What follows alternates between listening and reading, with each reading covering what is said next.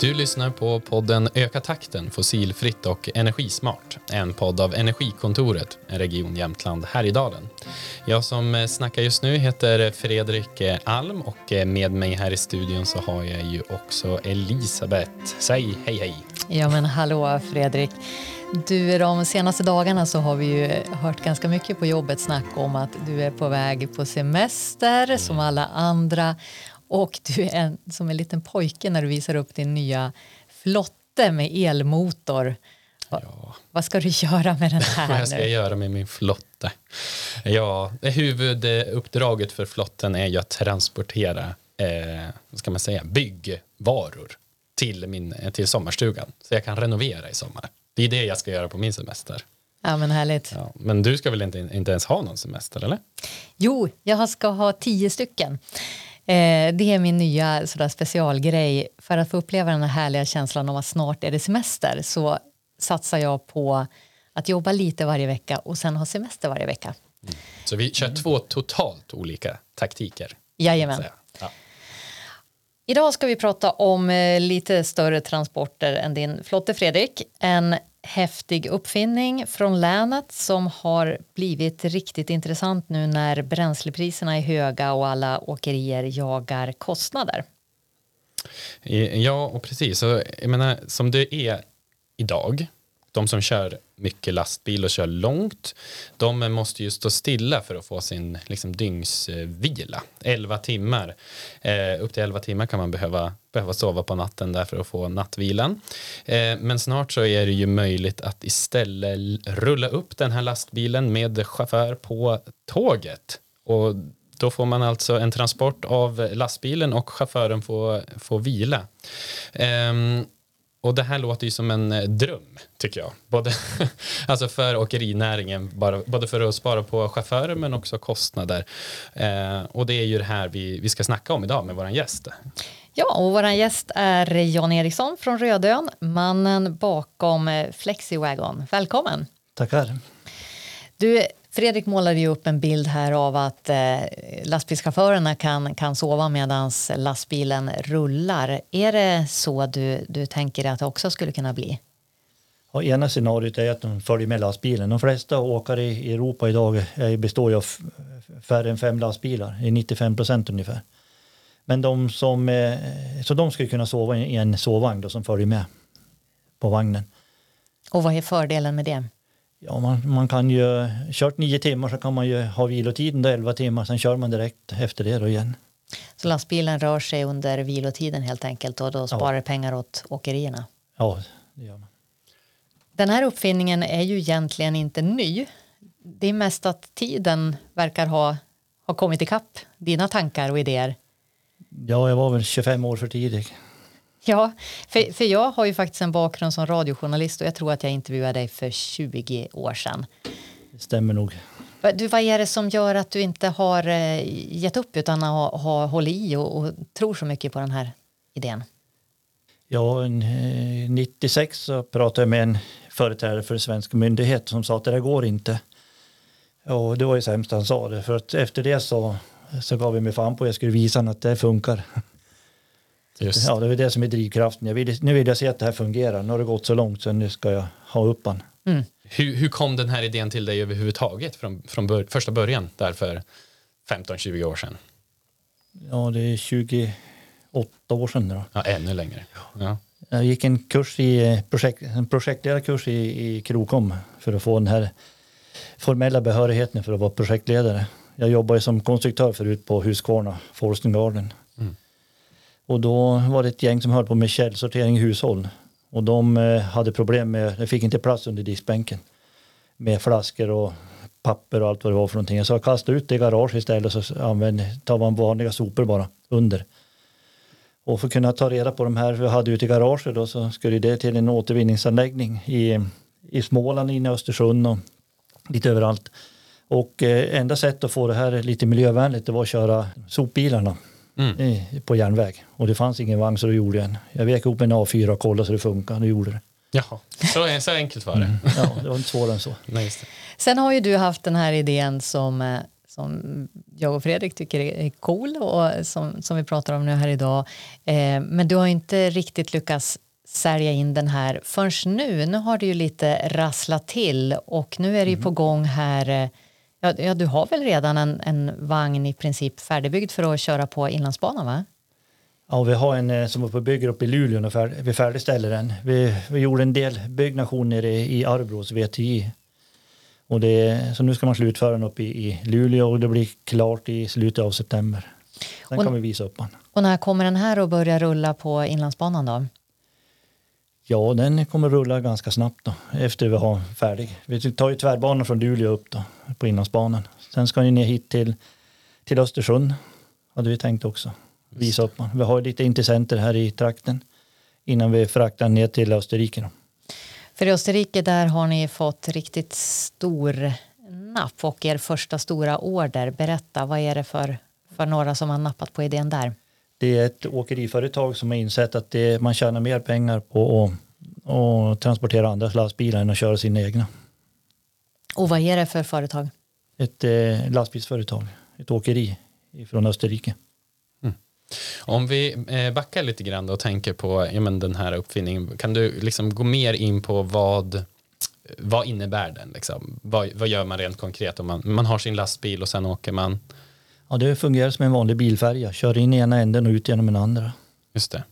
Men, men hur stora är liksom, för då föreställer jag mig att man, man, har ju, man har ju tåget och då har man ju sin vagn. Och den här vagnen är ju inte hur lång som helst, men man kan också köra på bakifrån och så köra ut.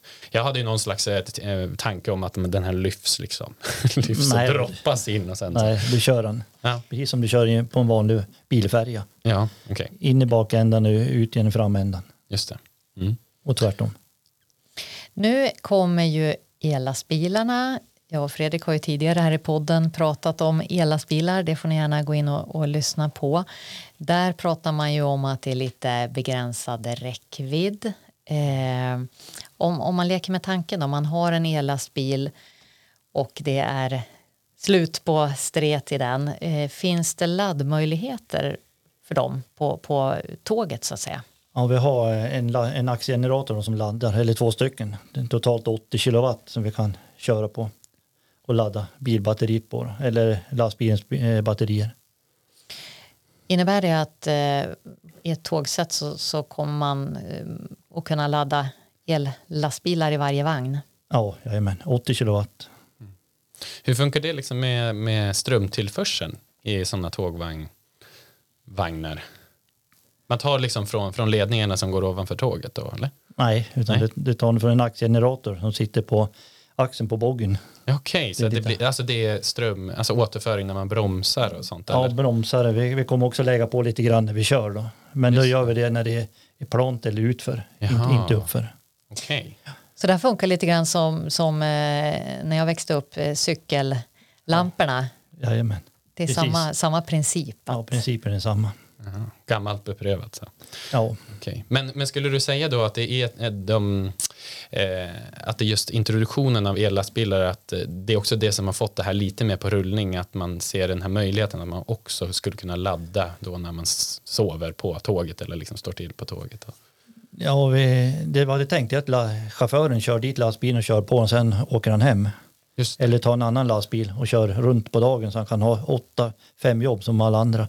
Okej. Slipper ligga ute och köra sex dygn och sen åka hem och vara trött Och så är det någon annan chaufför då som kommer. och ta emot det. Så Just det. på så sätt kan vi med, med liten mängd batterier köra långa sträckor med även med ellastbilar. Men för vi, Elisabeth hade ju en kollega som frågade oss när vi skulle iväg på det här, men vad är liksom vinningen, eh, vinningen med det här konceptet? Och då var vi inne på lite olika lösningar. En, en var ju just det där, kan man ha lastbilar då med mindre batteri eh, än vad man har i andra fall, så då blir det kanske lite lägre investeringskostnader för själva liksom lastbilen. Man kan köra den på tåget istället och så kan man ändå ta sig dit man ska. Ja, det är det som är meningen. Då. Du Ja. kan ju köra 500 mil, inga problem. Nej. Du går ju på järnväg.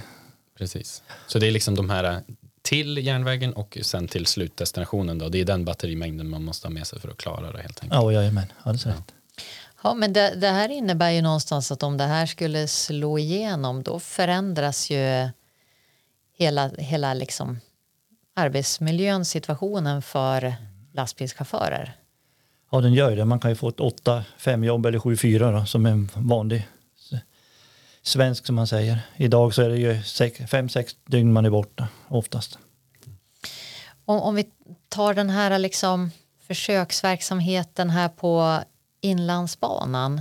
Mellan, är det, spelar det någon roll? Kan man åka mellan vilka orter som helst då på Inlandsbanan? Eller kräver det något särskilt av själva stationerna? Ja, det enda vi behöver är en hårdgjord yta som håller för lastbilen så han kan köra på. Så i princip så skulle man kunna eh, då stanna inte bara vid stationerna utan Ut på banan om man vill också. Då. ja. Så här finns en chans att, att skräddarsy en, en rutt. Ja, det är det vi, vi håller på med några jämtländska företag som är intresserade av det här. Vågar du eh, säga vilka det är? Nej, inte än då. Du får se dem uppe på spåret. Ja. Men det är på inlandsbanan i alla fall. En del då. En del går på stambanan. Hur funkar det då? Eftersom det, då är det ju bara egentligen då den vagnen som är längst bak som kan koppla loss det och så kör, och så kör lastbilen ut. Då.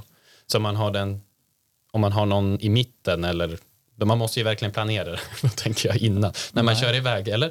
Nej, det behöver inte. Du kan lasta och lossa vilken du vill i tågsättet. Okej, men då lossar man bara liksom mellan tågvagnarna, så, eller? Nej, du trycker på en knapp. Ja. Sen vrider den här ut. Du lossar, Det inga, du lossar inga vagnar. Nej. Nej, men för det, det var det jag var ute lite grann från i början. Så här, då, alltså vrider sig hela vagnen, eller? Ja, i, i bakändan då. Jaha. Kan ju, Själva, det är en liten vrid, eh, ja, det vrider en vridhistoria. Man vrider ut baken på, på vagnen. Och du har ju två eh, vridcentrum. Ja. Det ena eh, ligger ju kvar och det andra lösgör man ju. Mm. På så sätt kan man ju vrida den då i båda ändarna så här. Ja, jag tänker att det är det som eh, min hjärna inte fattade först, men nu. så toppen. Jag får se om lyssnarna förstår, annars får vi lägga ut någon visuell bild. Av, av den här rörelsen med Exakt. papper. Ja, det Ja. blir jättebra. Och nu är det riktigt nära. Det är Ja. bara några månader bort. Hur den här orden kopplat till det här eh, transportföretaget i Österrike, hur stor är den? Och den är på eh, 2 gånger 23 då, två tågsätt till att börja med. Då. Två tågsätt. Och sen då? Hur, hur, ser, liksom, hur, hur ser dina framtidsvisioner ut sen? Ja, jag hade ju räknat med att vi skulle sälja några tusen per år. Då.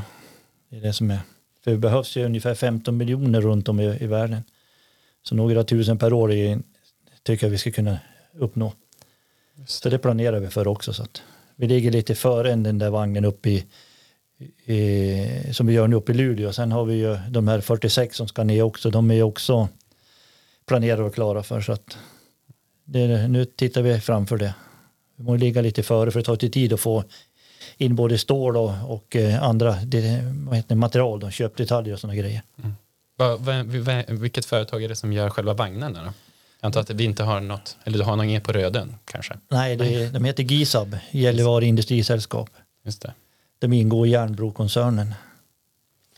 Men du, eh, åkerier som sitter nu och funderar och tänker att ja, men fasen, det här kanske är en, en rätt häftig grej. Kan, kan de få test, testa det här nu på något vis? Testa den här demovagnen eller, eller får de stå på stationen och titta på när andra kör? Eller hur, hur, hur, är det, hur tänker du? Ja, de får ju, eh, jag har erbjudit dem att eh, åka nu för 100 kronor milen. Men han, vi tittar på Stockholm och Östersund och jag har fått en tidtabell lagt där. Det tar fem timmar och 15 minuter för dem att åka ner. Ner till Stockholm från Östersund. Men Inlandsbanan går väl inte till Stockholm? Nej, det är som är synd.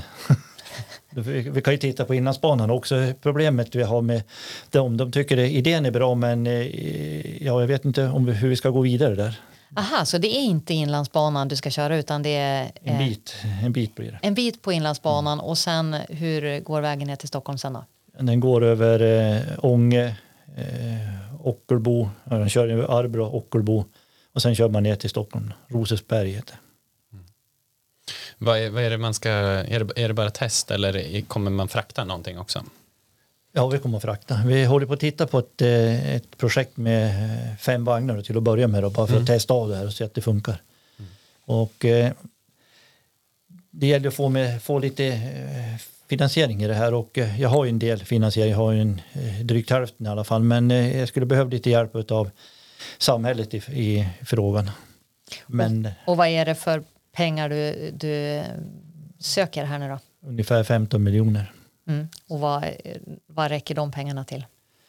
Fem vagnar och en testperiod på eh, sex månader. Då. Ja. Så är det fortfarande lite skört? Du vet inte riktigt om det här bär och tar fart eller hur? Ja, eh, jag har en del säljare ut och eh, de säger, eller allihop som är med, vi har ju bildat en Norrlandsgrupp också med massa företagare och, och eh, kommuner finns med och lite annat som hjälper till att driva det här. Det var Luleå tekniska universitet finns också med, deras businessavdelning. Så att det, får vi bara fram den här första vagnen och visa upp man så tror de att det är proppen ur och då kommer det vara problem att leverera.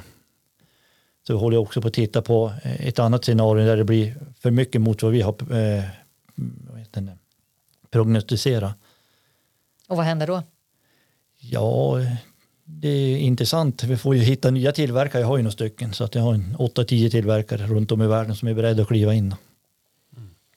Hur, vi pratar ju ganska mycket ellastbilar, att det kan vara proppen ur, men mm. det här är väl också fördelaktigt tänker jag för även om man har en diesellastbil? Eller? Ja, det, med diesellastbil om du åker på järnväg kan du spara mellan 70 till 90 procent av utsläppen redan idag. Det beror på hur mycket du har i, i slutändan, hur mycket du kör. Dem. Men kör det som en normalt och sparar 90 procent av utsläppen. Då är det inte fossilfria utsläpp vi pratar om utan det är utsläpp vi pratar om. Mm. det är någonting helt annat. Ja, men precis. Vi jobbar ju ganska mycket med transporter och man hör ju att ja, men för att det ska vara lönsamt att gå över på räls mm. så måste transporten vara längre än si och så många många mil. Hur, hur ser liksom ekonomin? När blir det lönsamt att köra upp sin lastbil på, liksom, på, på tåget och köra den? Vi har ju ett, eh, vi har lite olika case. Vi har ett nere i Los Angeles bland annat. Det är ju 130 kilometer vi ska köra enkel. Det är frågan om 35 000 lastbilar om dagen som ska transporteras in och ut ur hamnen. För de kommer med container med, från ja, resten av världen in i hamnen. De har jag vet, 18 miljoner container per år hanterar man. Så det ska ut i, till eh, Walmart och Amazon och alla de här större ute i, i San Bernardino heter området.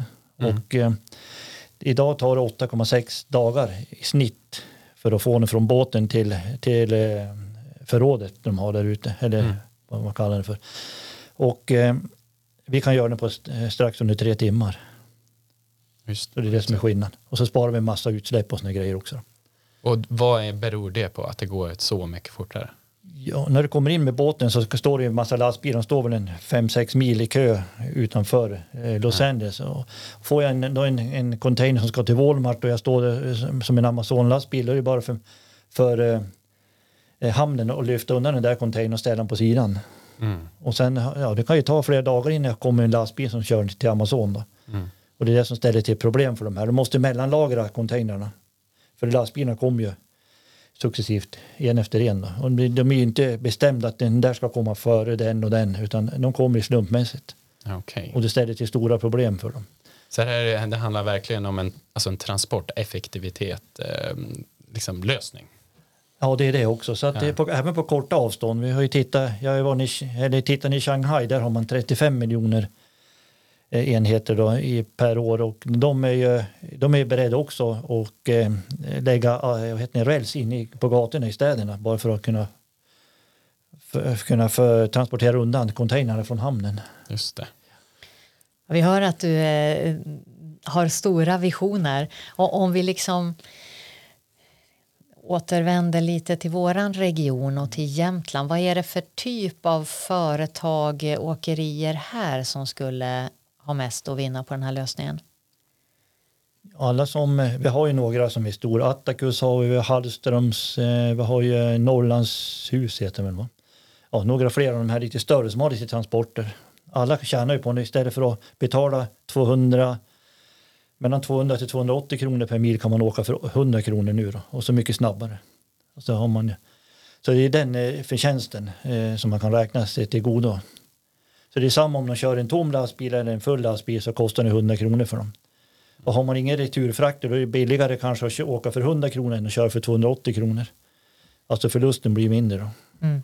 Så den här affären den har blivit bättre tack vare i det här sammanhanget får man nog säga höga eh, bränslekostnader eller? Ja den blir ju det. Den, den, priset för transporten ökar ju. Mm. Så den blir dyrare. Men då får vi dyrare på elen då istället på järnväg. Mm. Men eh, den är ju, eftersom den är mer eh, energieffektiv på järnvägen på landsväg så, så blir ju kostnaden mycket mindre. Det är ungefär ett på sex ungefär i energieffektivitet. Du sa att eh, det finns en möjlighet att få testa nu för alla företag, eller alla kanske det inte är. Hur, hur många företag skulle kunna få testa den här lösningen nu här under, under den, den här demoperioden? Det skulle kunna vara en hundra, eller vad kan jag säga, en par hundra företag skulle kunna få testa om de körde en gång var. Då. Men det är frågan, de vill ju tjäna pengar allihop. Så de som är med de vill ju köra konstant hela tiden. Vi har ju några som är med då. Så de, vill- jag vet inte om de vill bj- bjuda bort sina platser. Ja, just det. Hur arbetar med, liksom med att följa upp, eh, alltså hur, nu säger ni det här är en demo, liksom en testperiod och så, hur, följer, hur följs det upp? Är det, har ni något forskarteam liksom knutet till det här eller är det företagen själva som utvärderar? Eller? Ja, vi, vi utvärderar ju tekniken och ser att den fungerar. Mm. Men sen har vi användarna, det är kunden. Det är de som är, är viktigast att man pratar med. Eh, Att ha ett eh, forskarteam där det tror jag inte säger så mycket Nej. egentligen. Inte i det här fallet. Utan det ska vara kund, kund, eh, kundvänligt och sen ska det gå snabbt att lasta och lossa. Mm.